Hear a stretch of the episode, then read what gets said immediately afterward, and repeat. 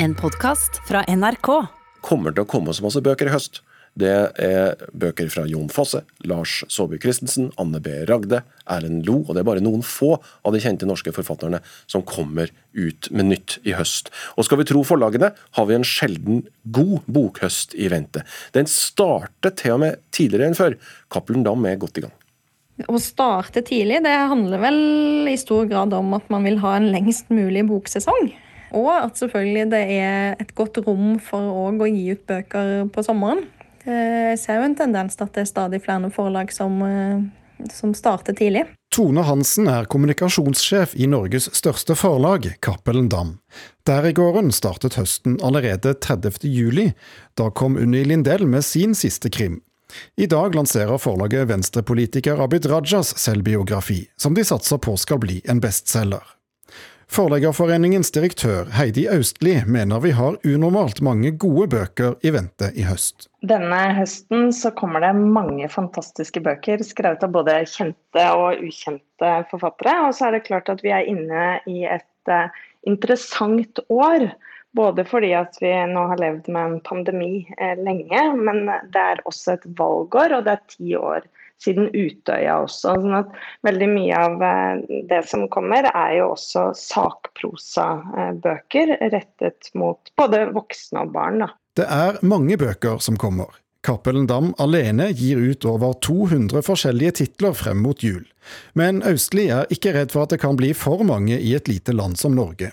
Det som er bra, er at i Norge så kan vi finne historier å kjenne oss igjen i, alle sammen. Eller noe vi har lyst til å lære mer om gjennom bøkene. Og det er veldig, veldig bra. Det er en stor bredde. Masse både kjente og ukjente forfattere som gir ut litteratur som vi alle kan finne interessant. Det er ikke tvil om at det kommer ut mange bøker i Norge. Men hvis vi sier det sånn, da. I valget mellom at det kanskje kommer ut litt mange, enn at det kommer ut for få, så er jeg ikke i tvil om at det er utrolig mye bedre at det kommer ut mange. Det sier Kari Spjelnes. Hun skriver doktorgrad om lesevanene våre ved Høgskolen Kristiania etter tre tiår i bokbransjen. Det kan virke overveldende for noen med mange nye og spennende bøker, samtidig fører det til at det fins bøker for enhver smak. Litteraturen er dermed lett tilgjengelig, men den er også i stor konkurranse med veldig mange andre ting. Å finne tid til lesing kan være like lett som det er vanskelig, understreker Spjelnes. Det krever litt disiplin, for man må jo faktisk da bestemme seg for innimellom og enten legge telefonen bort, ha den på lydløs, ikke ha på push-varslinger, sånne ting, for å beskytte tid til å lese. Et langt år med pandemi og mye hjemmesitting kan også ha skapt nye vaner hos flere. Det er i hvert fall et håp hos Cappelen Dam.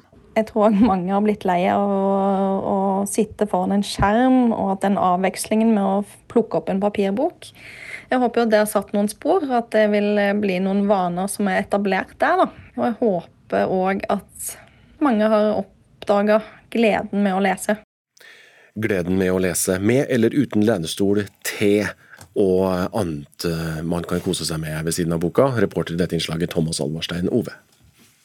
Journalist og programleder i VGTV, og nå også forfatter. Morten Hegseth, velkommen til Nyhetsmorgen. Tusen hjertelig takk. Vi slipper ikke helt dette med bøker ennå, for du er en av dem som skal kjempe om lesernes gunst denne høsten eh, med barneboken, som heter 'Tine og det magiske speilet'. Ja.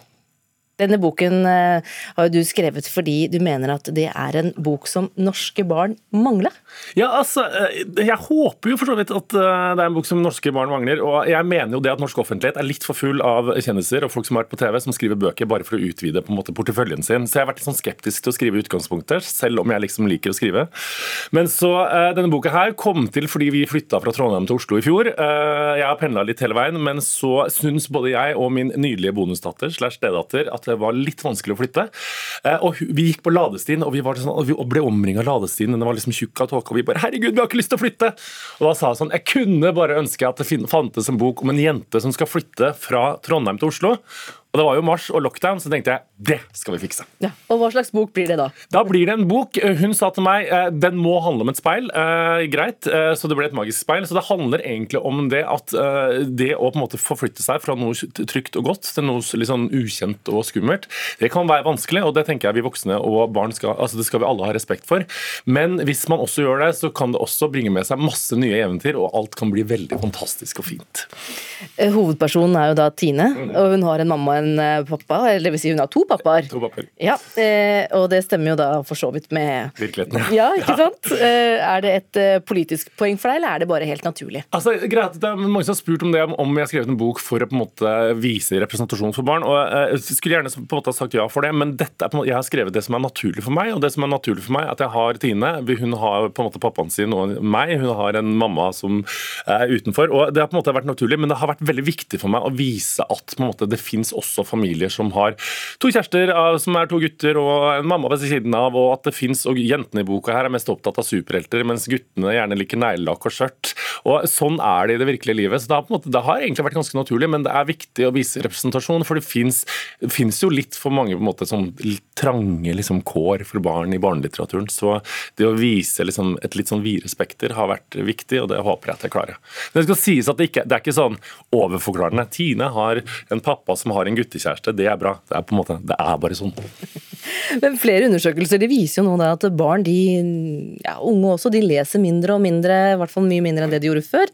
Er det noe som eh, bekymrer deg som hva skal jeg si, nyslått forfatter? Eh, altså, jeg, har vært, altså, jeg var heller ikke noen sånn stor lesehest da jeg var liten. Det tok seg opp når jeg ble ungdom og i voksen alder. Og jeg skal ikke sitte og sånn formane barn, på en måte, fordi jeg tror at dette problemet er like stort når det kommer til voksne, fordi voksne leser heller ikke så mye. Men lesing altså Det er ikke en krise at folk ikke leser, men lesing er det beste du kan gjøre for å utvikle fantasi, for å utvikle empati, for å eh, liksom ha en parallell virkelighetsverden som vi alle trenger, i hvert fall i disse dager hvor alt er så kjedelig og vi har vært innestengt og sånne ting. Så jeg tror, at, altså, jeg tror det er positivt på mange områder. For min del, i de periodene jeg har lest som mest, så har jeg også best innvendig. Altså, da slipper jeg, da, det er de periodene jeg sånn fokuserer minst på indre uro og bare fokuserer mest utover og tenker på andre folk og sånne ting. Så lesing er noe av det beste i livet, og jeg håper at alle, både barn og voksne, gjør mer av det.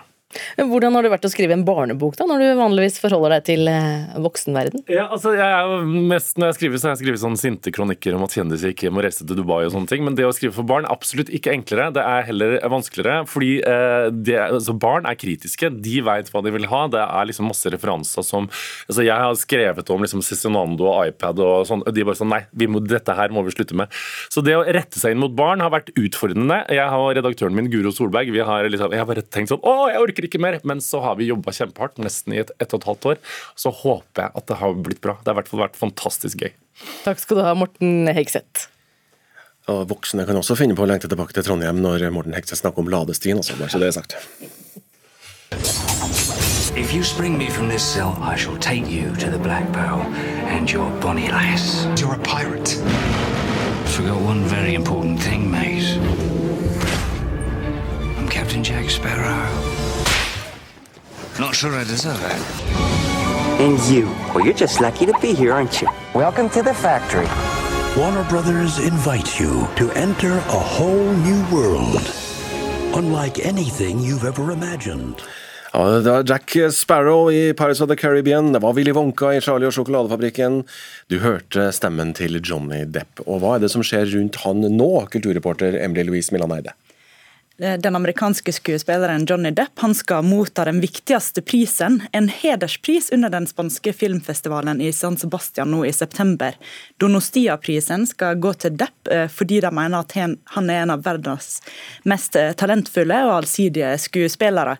Og Den har tidligere blitt gitt til eh, Liv Ullmann, Viggo Mortensen, Penelope Cruz og Anthony Hopkins. Og Det er en pris som skal heidre en enestående innsats i filmverden, men nå reagerer flere på at det er nettopp Depp som skal få denne prisen. Du kan jo ikke egentlig snakke om Johnny Depp lenger uten å snakke om denne saken der ekskona Amber Heard har anklaga han for å være voldelig. Han har tapt rettssak i Storbritannia mot avisa The Sun, som skrev stort at han var konebanker. Um, og det, Han måtte jo også gi fra seg denne rollen i disse fabeldyrfilmene. Det gjør jo denne æresprisen litt omstridt, da. Ja, og denne her volden den nevner ikke festivalen noe om på hjemmesida si. Og Depp sjøl er avvist disse anklagene og har tatt saka videre til lagmannsrett. Kristina eh, Adriot, som er leder i Forbundet for kvinnelige filmskapere i Spania, sier at hun er veldig overraska over at Depp skal få denne prisen. Hun mener at det setter festivalen i et veldig dårlig lys, eh, og at det sender en beskjed til publikum om at det ikke har noe å si at eh, du er voldelig eller overgriper, så lenge du er en god skuespiller. Men Hva svarer festivalen på den kritikken? da? Eh, de mener at det ikke er en filmfestivals rolle å bedømme oppførselen til folk i filmindustrien, eh, men at deres ansvar er å anerkjenne de som har gitt et ekstraordinært bidrag til filmkunsten. Og De eh, omtaler Depp som en flott skuespiller med en flott karriere. Og Johnny Depp han skal selv være til stades under denne festivalen for å motta prisen den 22.9. Det kan jo hende flere møter opp da også. Emilie Louise Milaneide, takk skal du ha. Takk. Ja, vi var en liten tur innom eh, Johnny Depp og, og, film der, men vi skal tilbake igjen til eh, bøker. Eh, og som vi har snakket om, skal vi tro forlagene, så er det en sjelden god bokhøst i vente. Som å bli bitt av en varulv. Sånn beskriver småbarnsmoren Liv det overgrepet som hun ble utsatt for da hun var student. Mange år er gått, men minnet om det som har skjedd, det hjemsøker henne når hun minst venter det. Det er vel i korte trekk handlingen i Heidi Fures fjerde roman, 'Makta', heter den. Heidi Fure er nok ikke kjent for det brede lag ennå, men eh, bokanmelder Knut Hoem, du mener at hun er en av landets unge lovende? Ja, jeg syns det. Eh, Heidi Furre er født i 1986 på Stord, men eh, bor i Oslo. og Jeg har fulgt henne siden eh, debuten. Hun debuterte med romanen 'Paris-syndromet'. og Hvis du skal lese én bok om en ung kvinne som blir dumpet og reiser til Paris etterpå, så er det definitivt den.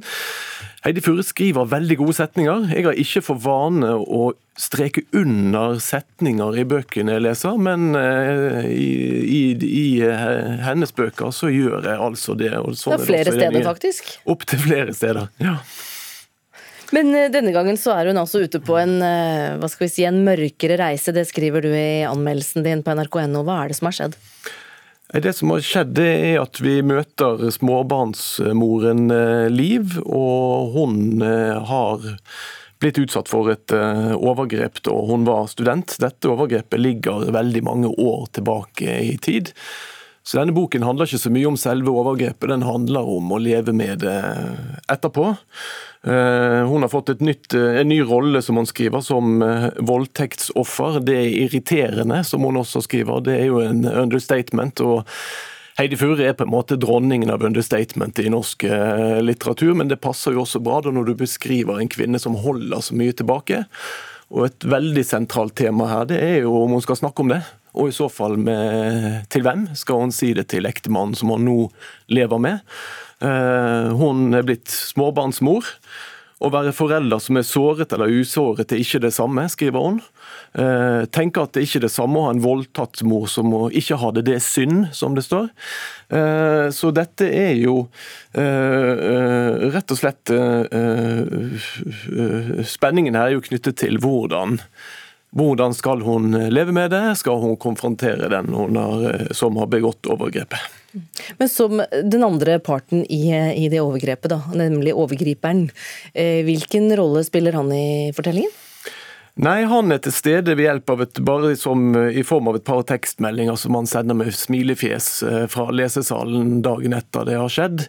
Og så eh, går hun og lusker rundt eh, huset hans eh, mange år etterpå, men han kommer ikke til orde. Og, han, og han, han, han, er bare til stede i hennes tanker. og det, det hadde vært interessant kanskje å også fått hans versjon, men det ville blitt en helt annen type roman. og Det er ikke den typen bøker som Heidi Fure skriver. Hun er alltid tett på dette ene mennesket inne i denne ene bevisstheten.